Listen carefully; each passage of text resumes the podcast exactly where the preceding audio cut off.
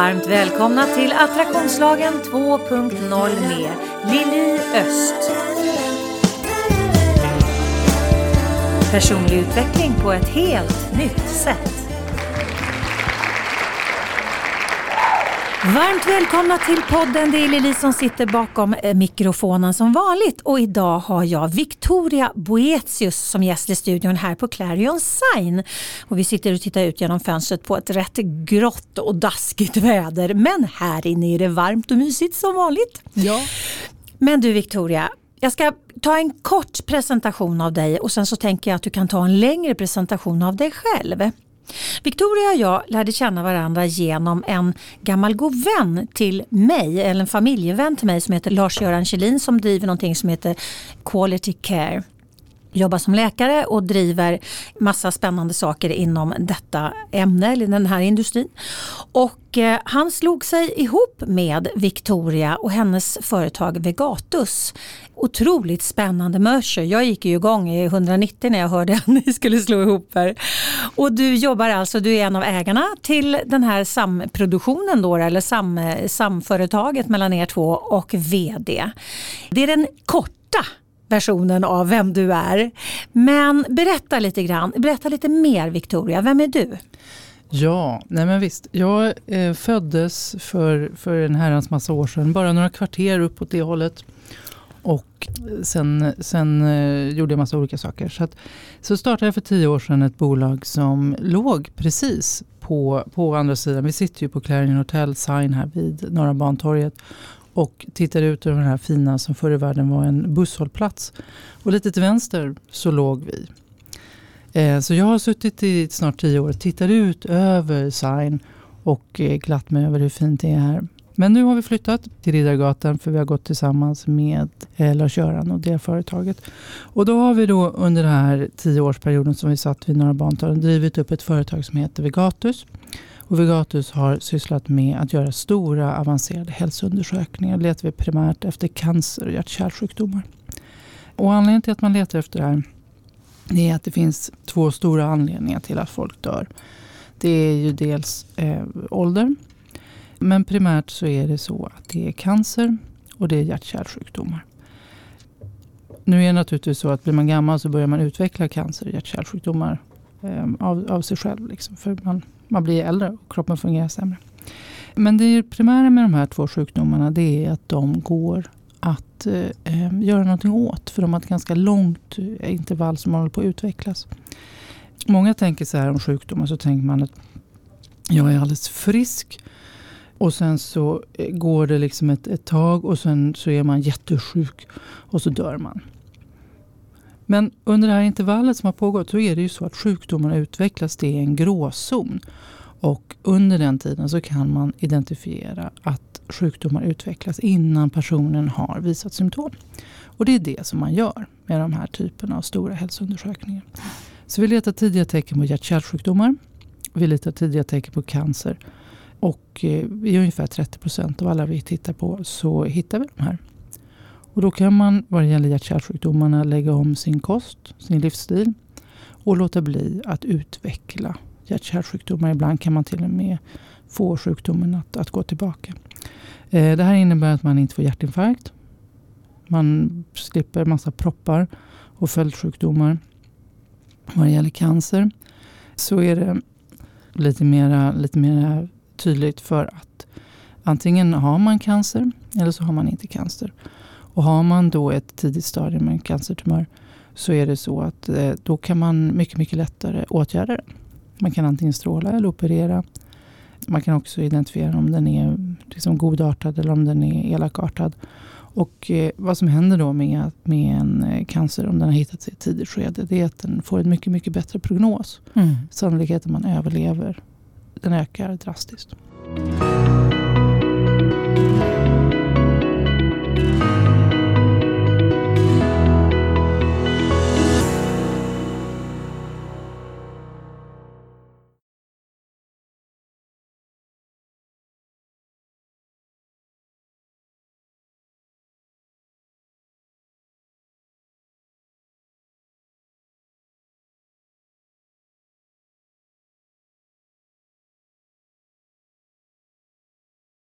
Jag har ju precis varit och gjort faktiskt, eh, jag ska ju göra er stora, eller håller på att göra er stora hälsoundersökning.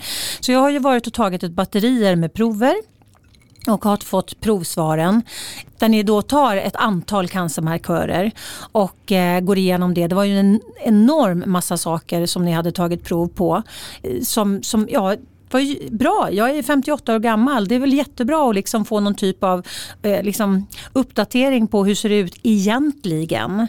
Men jag var ju frisk som en nötkärna enligt det i alla fall. Men sen så ska jag då på den här MR-röntgen. Mm. Och det ska ju bli väldigt spännande. Den ska jag faktiskt på bara om några, eh, om några veckor. Vad spännande. Mm.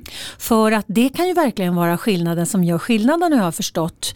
För du har ju en egen story faktiskt som, som handlar om just att det inte bara räcker att ta blodproven utan att vilken enorm en, liksom skillnad det blir om man lägger på det här MR.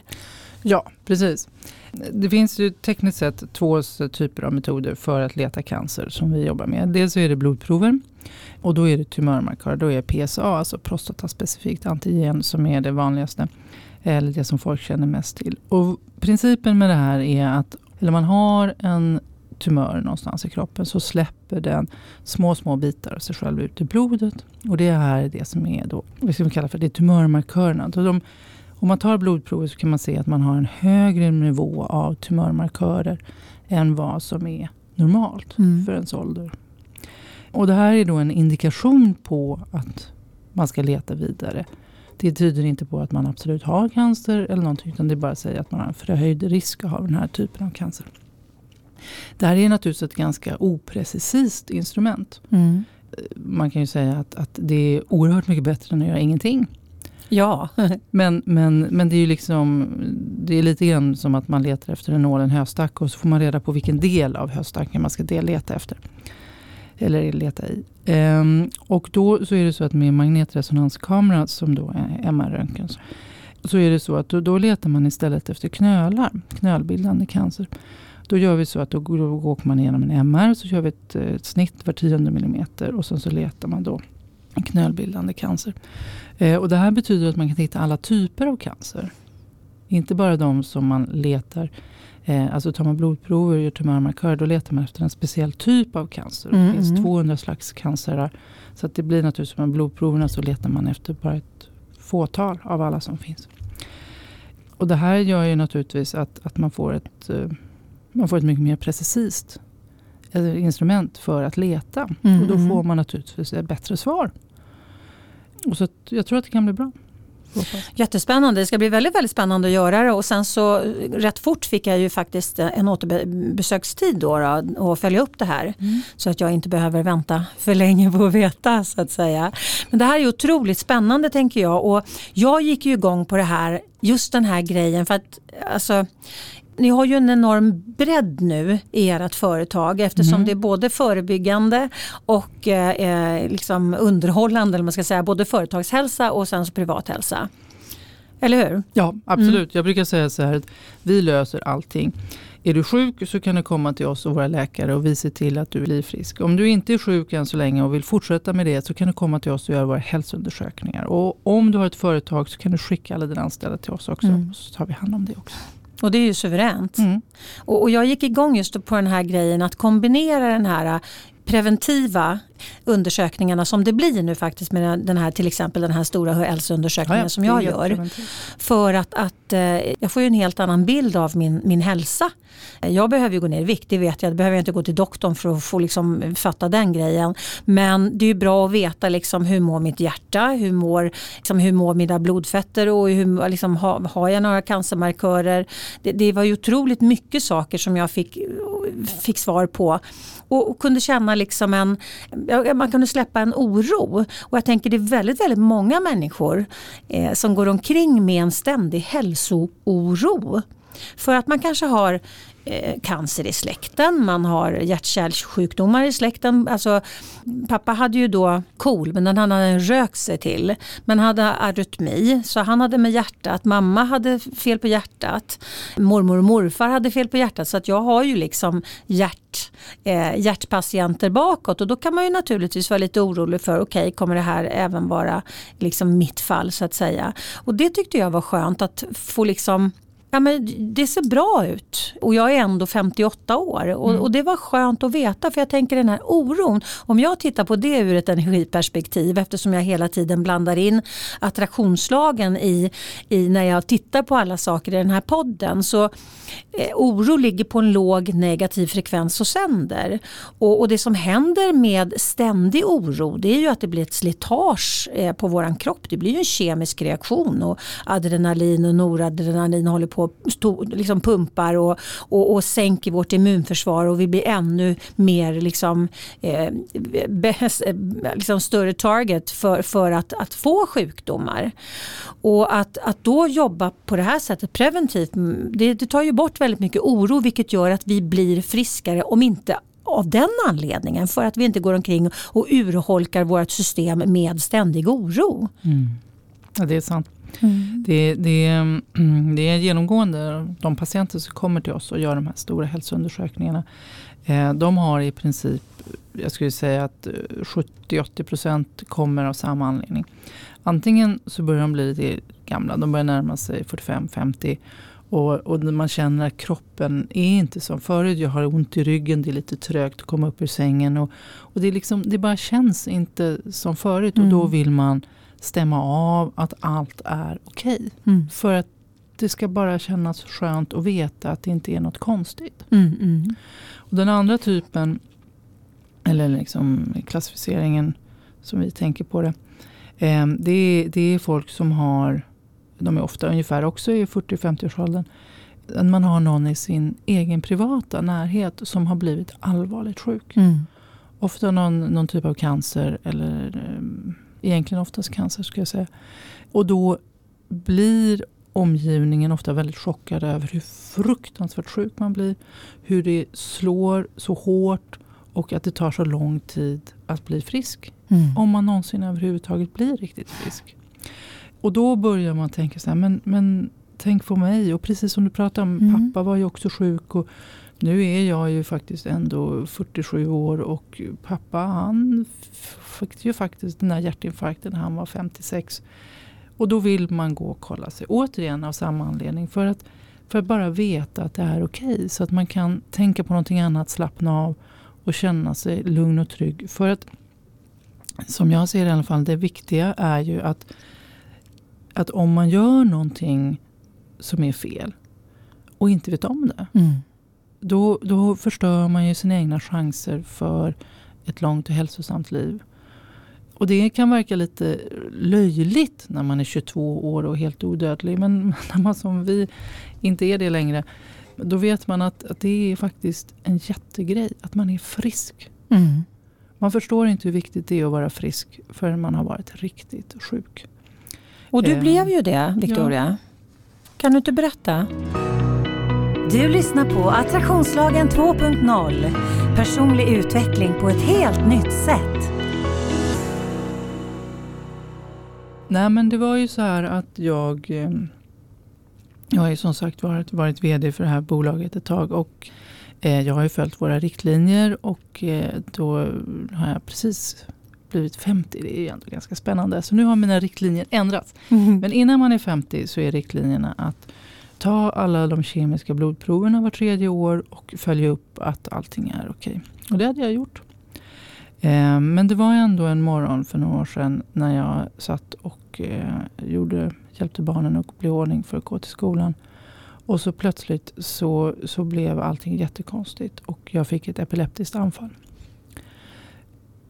jag fattade ingenting vad det var överhuvudtaget. Så min man ringde till en av läkarna på mottagningen och han sa eh, åk, ring efter en ambulans. Åk in till akuten.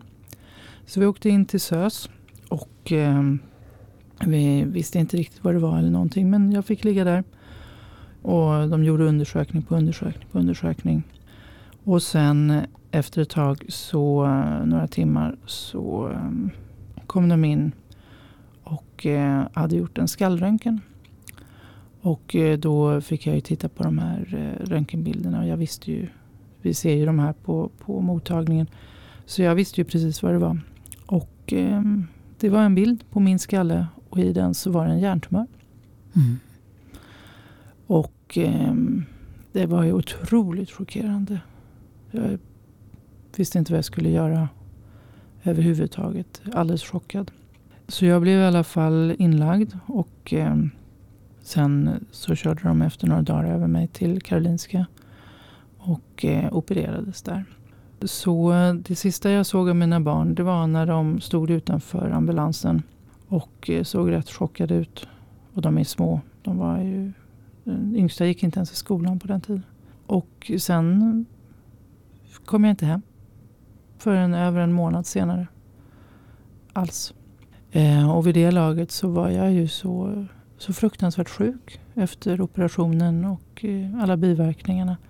Så att jag låg, jag tog barnens rum för det var det tystaste stället i hela lägenheten. Och så låg jag där i en och en halv månad och eh, gick egentligen bara upp för att äta lite köttbullar och makaroner.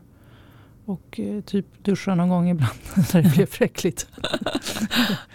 men, men jag klarade ingenting annat. Det var, barnen fick vara tysta. De fick komma in och, och eh, kramas för de eh, saknade mig. Och, och, och, jag tyckte ju att det var jättehärligt. Men så fort de blev så här som barn är. Började blåta eller mm. springa runt eller någonting. Så hade jag så fruktansvärt ont i huvudet. Så att det gick inte. Så att um, vad som hade hänt var ju då att jag hade utvecklat den här hjärntumören. Och hjärntumörer, det finns många olika typer. Jag hade ju tur. Det var en, en godartad tumör som um, kunde opereras bort relativt enkelt. Sen var jag eh, sjukskriven i många månader efter det. Och eh, det är nu några år sedan, sedan och jag är fortfarande inte riktigt, riktigt tillbaka.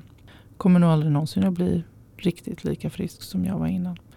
Men så är lite livet och man får väl glädja sig åt att jag ändå har blivit väldigt bra i förhållande till hur det kunde ha gått. Det kunde ha blivit en ren grönsak också. Ja. Men, men du, för vi pratade om det här vid tidigare tillfälle och då sa du att hade du tagit en MR då hade ni sett det här? Ja. ja. Och, då, kunde, och då hade du sett det här tidigare? Ja. I ett tidigare skede? Så att, så att vad som hände var ju, var ju verkligen, det här är ju, det är ju liksom det, det är lite fånigt. Liksom. Jag hade alla möjligheter att göra mm. de här MR-undersökningarna. Hade jag gjort den så hade vi hittat den här tumören flera år tidigare. Många, många år tidigare. Och jag hade ju visserligen blivit opererad. Jag hade fått ligga på, på rehab och eh, liksom det hade tagit lång, lång tid att få göra det. Men det hade varit en otrolig skillnad. För att då hade man kunnat planera. Mm. Då hade man vetat att den här hjärntumören finns. Den behöver opereras. Det kan göras denna månad eller om sex månader. Det är inte så himla petigt för nu har vi den under kontroll. Och så kunde vi sagt ja men då passar det jättebra att vi gör det här säg om tre månader. Och så kunde jag pratat med barnen. Vi kunde åkt till sjukhuset och tittat på hur det sett ut. Vi skulle mm. kunna planerat hur allting skulle fungera. De hade inte blivit så chockade. Sen på ett, ett, mindre privat plan så hade det ju yrkesmässigt varit oerhört fördelaktigt. Som det nu var så, så var det så att jag som VD och liksom ansvarig för i princip allting som inte är medicinska frågor. Eh, när jag plötsligt inte var, jag var ju inte kommunikabel på flera månader. Så att vi hade precis dragit igång en gigantisk reklamkampanj. Det kostade multum det blev ingenting av det. För när de här konsulterna som skulle arbeta och, och dra in massor av kunder till oss. När de inte hade någon som låg på så gjorde mm. de ingenting. De bara skickade fakturer. Och jag, jag var så sjuk så jag kunde inte göra någonting. Så att när jag kom tillbaka efter sex månader så var det ju så att eh, företaget mådde, det var inte i något speciellt bra skick överhuvudtaget. Och där är ju precis det så att hade vi gjort den här MR-undersökningen i tid, hade vi vetat i förväg att det här skulle komma. Då skulle vi ju kunna ha planerat. Vi skulle kunna tagit in en interimschef. Mm. Vi skulle kunna ha gjort eh, enorma massor med, med liksom, eh, kontaktlistor. Om det här händer, ring den där. Om det här händer, ring mm. den här. I det här läget så var det så att antingen fanns det i min mail eller så fanns det i mitt huvud. Och, eh, och ditt man, huvud hade man inte kontakt med? Nej, det, fanns, det var liksom som... Det var ingen hemma faktiskt just Nej. då. Men du, vad har du för typ av men fortfarande av, av det här? Ja, alltså jag är ju till exempel väldigt ljudkänslig. Mm. Um, jag är mer stresskänslig än vad jag var tidigare. Mm. Jag, är, jag, har inte lika bra balans. Jag vet inte, men jag tror inte jag är riktigt lika smart längre. Det känns så. Som tur är Victoria så sitter ju inte bara smartheten i huvudet utan den sitter väldigt mycket i hjärtat. Det är sant. Och det har ju inte blivit påverkat av en hjärntumör. Precis. Det är bra att faktiskt eh, komma ihåg tänker jag. Och, det, det, är ju lite också hur man förhåller sig. För att om man har den känslan implementerad i kroppen att, att eh, jag blev av med en del av min liksom, intellektuella spänst. Det kan ju bli ett hinder. Ja, men saker och ting är ju ett hinder så länge man tillåter dem att vara Precis. det. Precis. Eh, och det är också på något sätt så att, att livet ger en, en eh, bibba med kort och sen är det upp till en själv att spela dem så bra man kan. Mm. Och då kan man bestämma sig för att ja, det blev på det här viset och nu gör jag så bra det går och försöka göra en, en bra grej ändå. Eller så kan man bestämma sig för att det var jättesorgligt och så uh, gräver man tag i en stor böginbox och sätter sig i ett hörn. Mm. Och det tror jag inte är något som, ja det faller mig inte så för mig. Tror jag. Och det är väl tur det tänker jag. För, det, för då blir det inte mycket gjort till slut. Men du, jag gillar ju att vända och vrida på saker och ting. Kan du, kan du se någon uppsida? Är det någonting som har blivit bättre i ditt liv tack vare eller på grund av att du har gått igenom det du har gått igenom? Behöver du hjälp att sortera i ditt liv? Läs mer på liliost.se. Jag tycker att jag är mycket snällare mot mig själv nu. Mm.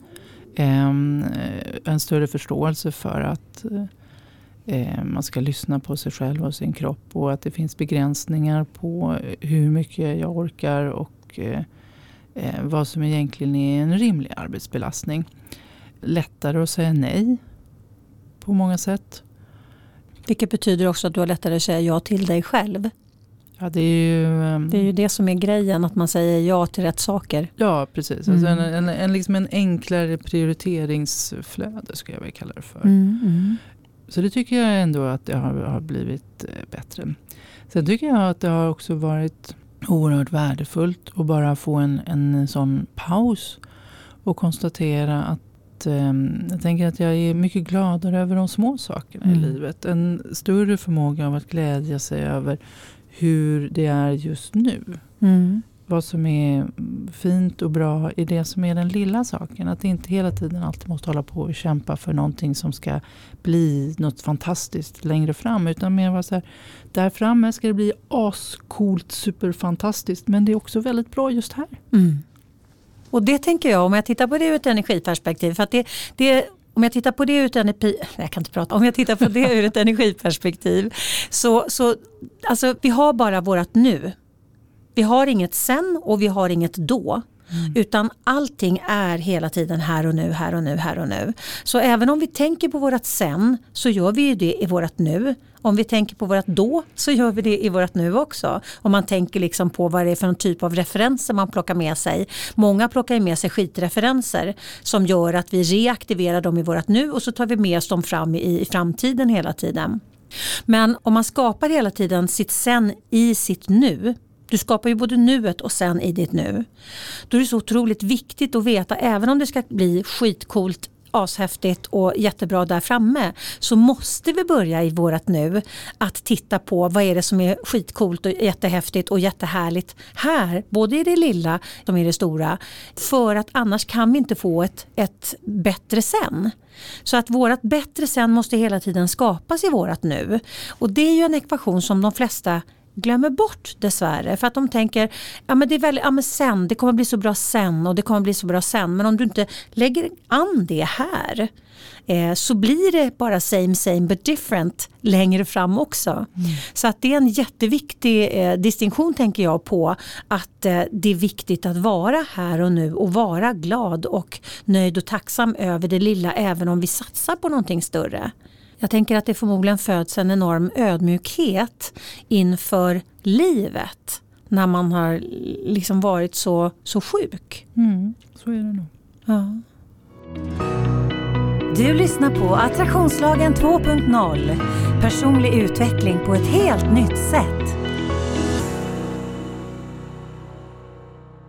Vi har ju faktiskt något spännande på gång du och jag. Ja. Som är lite sen men det är rätt nära. Ja, och ascoolt. Ja, det är faktiskt ascoolt.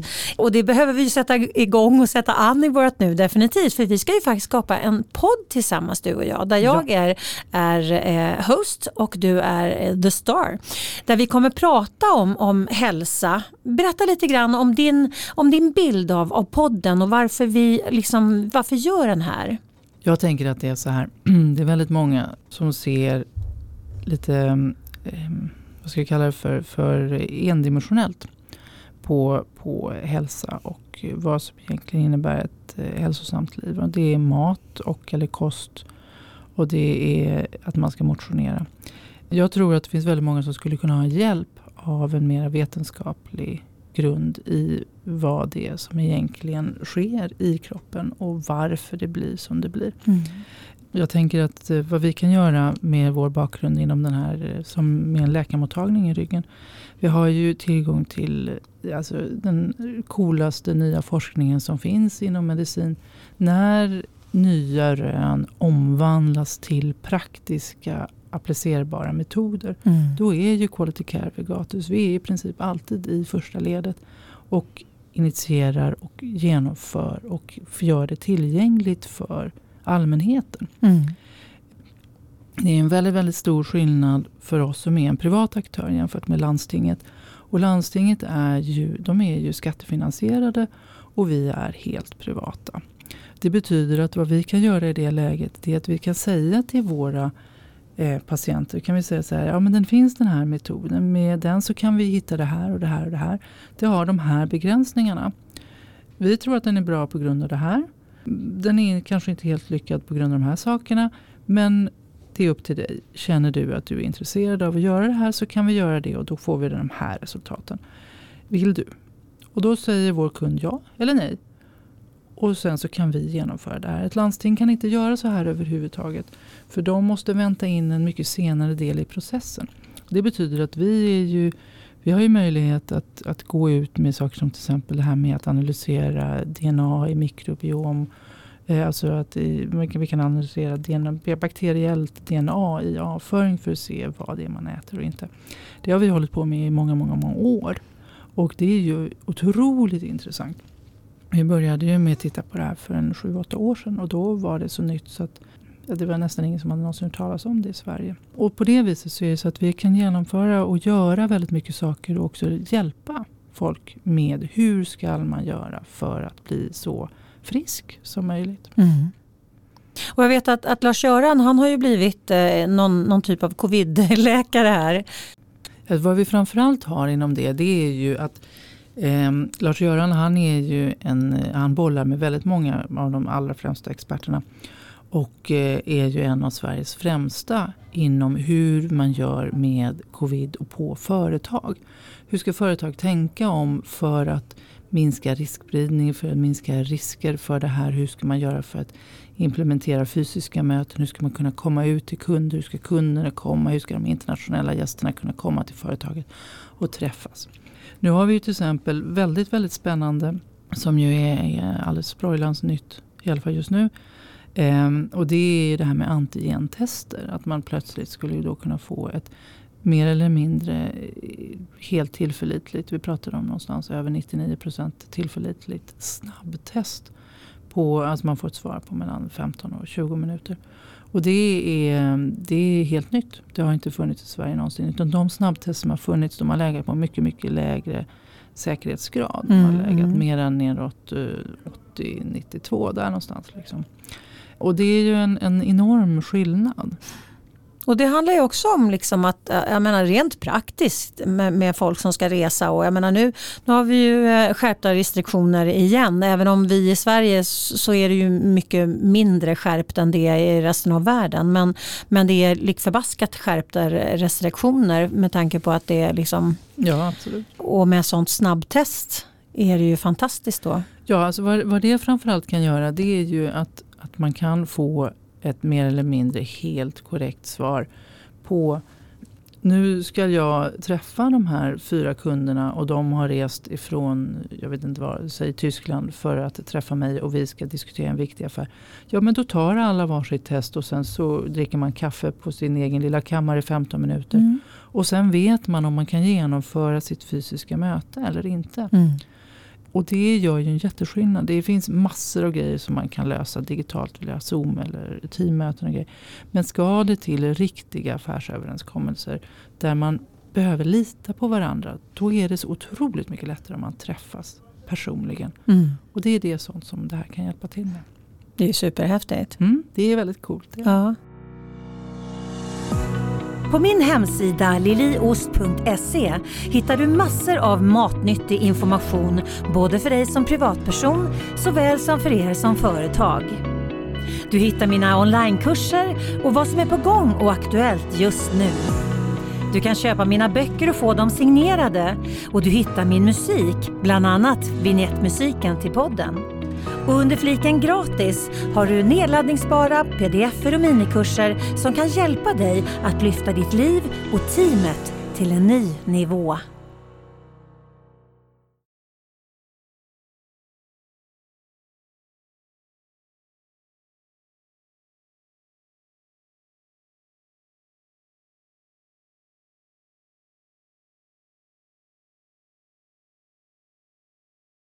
Hur kommer det sig att du började i den här, eh, i den här branschen? Ja, nej men det var ju mer ett, en bananskal skulle jag vilja säga. Jag är civilekonom i botten och eh, hade startat lite olika bolag och så hade jag sålt mitt senaste bolag. Så, och var lite så här, ja vad, vad, ska jag göra nu? Jag vet inte riktigt. Och då blev jag tillfrågad om jag eh, ville vara vd för Vigatus. Och då tänkte jag först att, att det låter ju lite bökigt. Så Men, men samtidigt så är det ju helt fantastiskt. Det här är ett företag vars affärsidé det är att rädda folk ifrån att dö i cancer. Jag menar hur många sådana chanser får man i världen? Mm. Så att det var ju ingenting att snacka om. Så att jag bara yes, jag är på, det är klart. Eller jag menar, ja det vill jag gärna. Um, och det, var, det blev väldigt, väldigt bra. Mm. Ja det är fantastiskt. Jag, jag, som sagt, jag gick ju tokmål när jag började läsa, läsa om det här eh, och eh, tyckte det var så fantastiskt att det finns den här möjligheten. Och det tänker jag, jag är säkert inte ensam om att inte veta det. Nej, det tror jag att det är många som inte vet. Ja, eller hur? Och det är ju någonstans lite kärnan i varför vi kommer göra våran podd, eh, eller mm. din podd som jag kommer hosta, som, som vi kommer dra igång då den första i tolfte. Ja. Och vi har ju fortfarande som inte... En, eh, julklapp. Som en liten tidig julklapp, precis. Det är den första luckan. Mm. Och vi har ju inget riktigt eh, bestämt namn ännu så att eh, det får vi hålla på lite till. Men eh, den kommer i alla fall launchas den första i tolfte på alla ställen även där poddar finns. Och jag kommer naturligtvis prata om det här eh, fler gånger i podden så att eh, ni inte missar det där ute. Jag tror att det kommer bli väldigt, väldigt spännande samtal med massor av bra saker som vi behöver veta, som vi har allt att vinna på att veta vi här ute. Och jag är ju en av er för att jag sitter ju inte med några läkarkonster på något sätt och jag har ingen koll på det här men däremot kan jag ju ställa väldigt bra frågor. Och det här kommer ju då bli också möjlighet att folk kan mejla in sina sina frågor eh, när de har lyssnat på ett, ett, avsnitt och så har de lite frågeställningar gällande det vi pratar om och då tar vi upp det i eh, nästkommande avsnitt. Så att det här blir ju lite så här fråga doktorn, det blir lite bra feeling på, på podden tänker jag. Ja, Absolut, och det kommer också bli mycket spännande gäster tänker jag. Många bra vetenskapsmän och kvinnor som kan bidra med ny kunskap. Gud så spännande. Jag ser mm. verkligen fram emot det här. Och, och jag eh, ska ju vara en bisittare så att jag, jag lägger inte in mig men jag kommer ju komma med bra frågor. Men eh, i den här podden så är jag ju faktiskt host. och eh, ja precis, ni ser inte nu men se, Victoria sitter och gör pismärken här och bara yeah yeah yeah yeah yeah. och, eh, och, och det som jag tycker är så viktigt med att ha dig med i podden idag det är ju för att det här är ju liksom en del av vårt välmående. Jag pratar ju om, om psykiskt välmående. Jag pratar om vårt förhållningssätt, jag pratar om vårt fokus och, och hur vi kan faktiskt bli friskare genom att förändra hur vi tänker och hur vi fokuserar och, och liksom, vad vi fokar på helt enkelt. För att vi kan bli sjuka med fel fokus. Eh, och, och, Det här är ju en del av friskhetsbilden. Den, det är en stor holistisk bild. Det handlar inte bara om att träna och äta rätt. Det är alltid bra att träna och äta rätt. Absolut. Det är alltid bra att vara noga med liksom sitt förhållningssätt. Och jag tänker i synnerhet nu under covid. För att det så många människor som är så rädda för att bli smittade av covid. Problemet är ju att de flesta inte har någon koll på vad det blir för typ av kemisk reaktion i kroppen om man springer omkring och är lågfrekvent hela tiden och har fokus på oro. För jag menar det gör ju att vi sätter igång kemiska processer i kroppen som faktiskt sliter ut systemet och gör att vi blir ännu mer, liksom, eh, en, en ännu större target för att bli sjuka för att vi vi eh, gör att vårt, själva att vårt immunförsvar eh, sänks just för att vi går omkring med en inre stress. Och det tror inte jag är så många liksom som, som, som ser den kopplingen. Så att bidra själv till att faktiskt titta på sitt förhållningssätt. Ska jag gå omkring med den här oron hela tiden? Både mot covid nu men överhuvudtaget generellt. Jag tyckte som sagt att det var jätteskönt att få liksom svart på vitt. Och satt med en fantastisk läkare. Hon är helt fantastisk.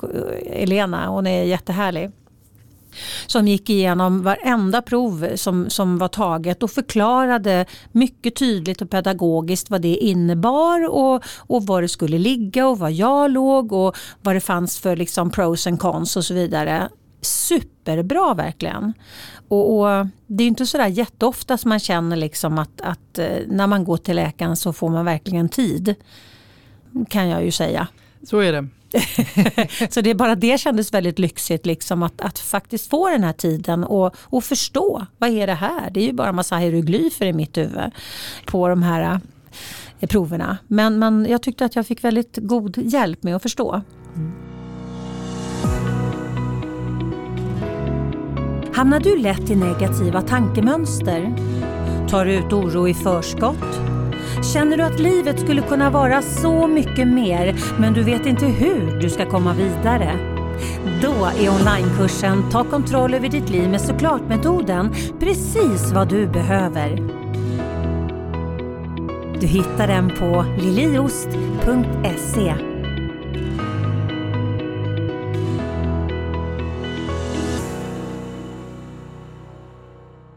Ja, nej, men det är, det är ju i princip helt omöjligt att förstå eh, om man inte får dem förklarade av en läkare. Ja men precis och det, det kändes jättebra att få gå igenom det faktiskt. För då, då har ju jag hjälpt mig själv till att, att eh, levla upp. Jag behöver inte gå omkring med någon typ av hälsooro. Eh, och jag tänker att du där ute om du har en hälsooro så, så kanske du ska eh, ta tag i det och liksom gå och ta lite tester och kolla vad, vad, vad är jag någonstans egentligen. Istället för att bara gå omkring och måla fan på väggen kanske i onödan.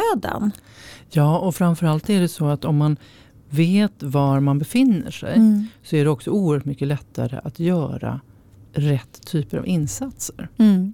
Det, är, det är helt omöjligt att veta om man är, till exempel om man ska träna benen. Hur, hur ska jag veta att jag gör ett framsteg om jag inte vet hur det är när jag börjar? Och då är det ju det här med att göra en slags eh, baseline-kontroll via en ordentlig hälsoundersökning. Det är ju väldigt värdefullt. Mm. För att om du säger till exempel D-vitaminnivåer. Det är ju en, en eh, oerhört basal eh, vitamin som reglerar väldigt, väldigt mycket grejer i vår kropp. Som de flesta inte riktigt förstår hur otroligt effektivt det är. Man kan säga att D-vitamin fungerar som en allmänt smörjmedel för alla typer av eh, liksom informationsöverlämnande mellan celler i kroppen. Och då är det så att har man för lite med D-vitaminer, vilket är otroligt vanligt i Sverige, för vi bor ju någonstans där solen inte skiner. Mm, mm.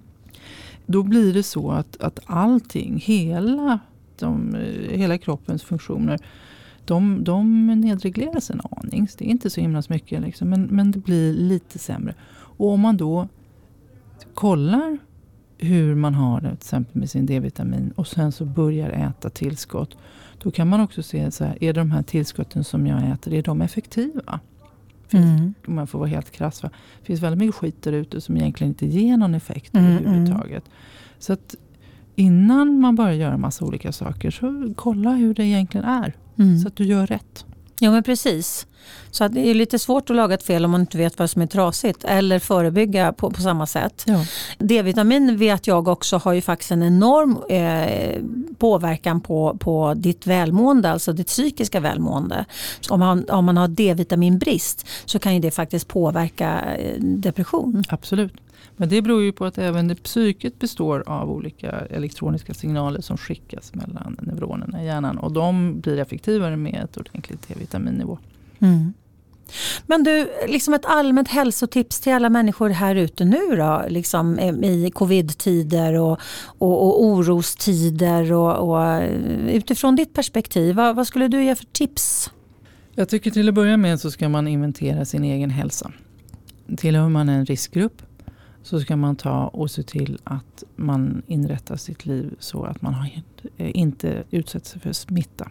Och det har vid det här läget säkerligen varenda riskgruppsperson redan gjort. Mm. Eh, men det gäller att hålla ut. Det är tråkigt, det är deprimerande, det är ledsamt och det är förbaskat träligt att hålla på och hålla sig undan och försöka att inte bli smittad. För de som då har redan gjort den här inventeringen så kan ju nästa steg vara vad vill jag göra? Och då försöka hitta någonting som är roligt. Mm. Så att man håller glädjen uppe. För det är ändå det som är meningen med livet. Att det ska vara kul. Mm. Inte bara gå runt och vara olycklig och vara rädd hela tiden. Utan ta tag i sitt liv. Se till att det blir någonting roligt som händer. Och då om man nu känner att man tycker det är av intresse så tycker jag ju såklart att man ska komma till oss och göra stora hälsoundersökningar. Det är det som jag tycker kan vara bra om man tycker att det här är någonting som skulle glädja en och som skulle ge en bra riktning och hjälp i sitt liv. Mm, mm. Men det viktigaste av allting det är att man ser till att man faktiskt har så roligt som man kan. Mm. För det, och, och, återigen att jag tittar på det ur ett energiperspektiv. Alltså glädje är högfrekvent. Det ligger på en hög frekvens och sen det finns, finns en, en kille, du som har lyssnat på podden flera gånger, du har ju hört mig prata om eh, David R. Hawkins Map of Consciousness många gånger.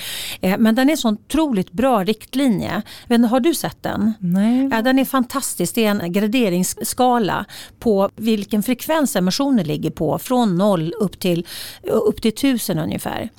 Och man säger att man ska befinna sig på ungefär love or above och det love ligger på, alltså kärlek ligger på 500. Glädje ligger på, på eh, 540 tror jag det är skam och skuld ligger nere i, liksom, i botten och skvalpar på 20-30.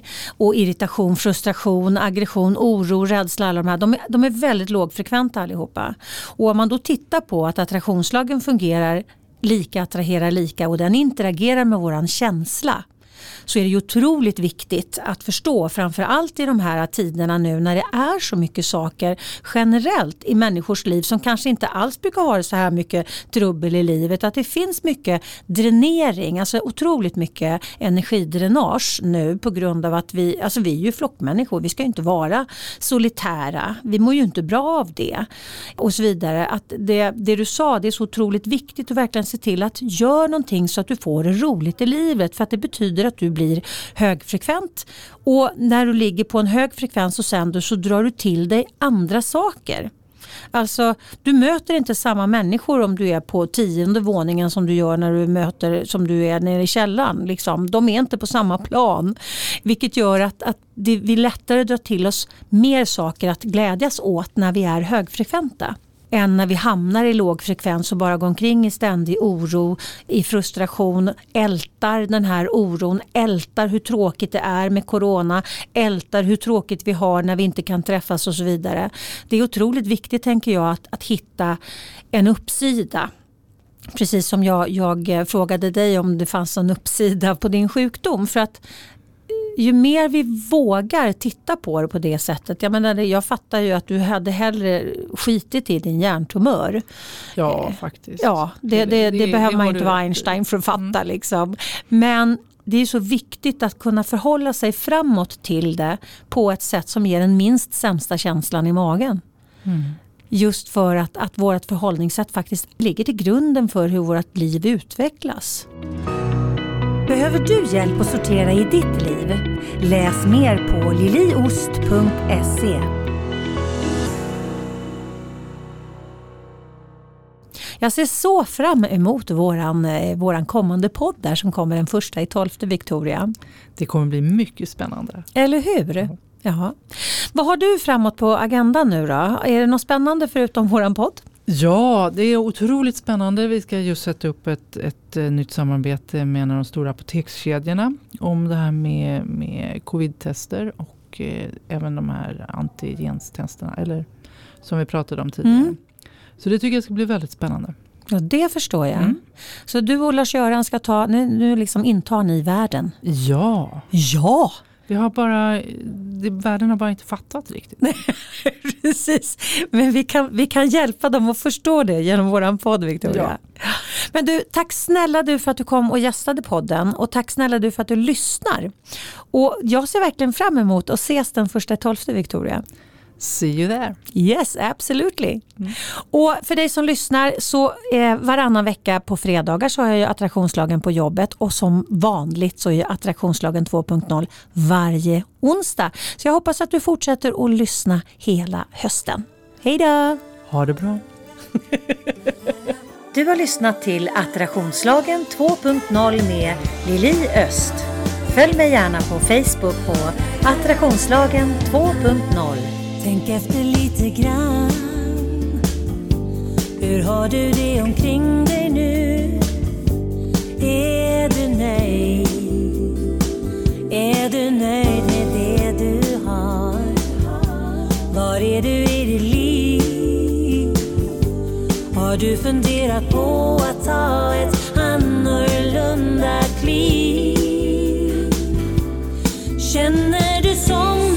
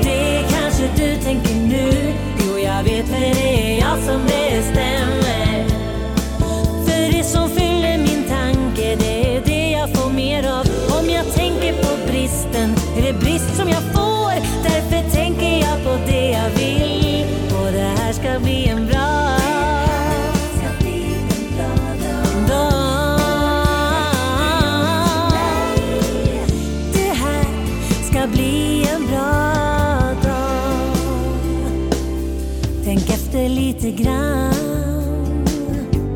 Vad är det som du tänker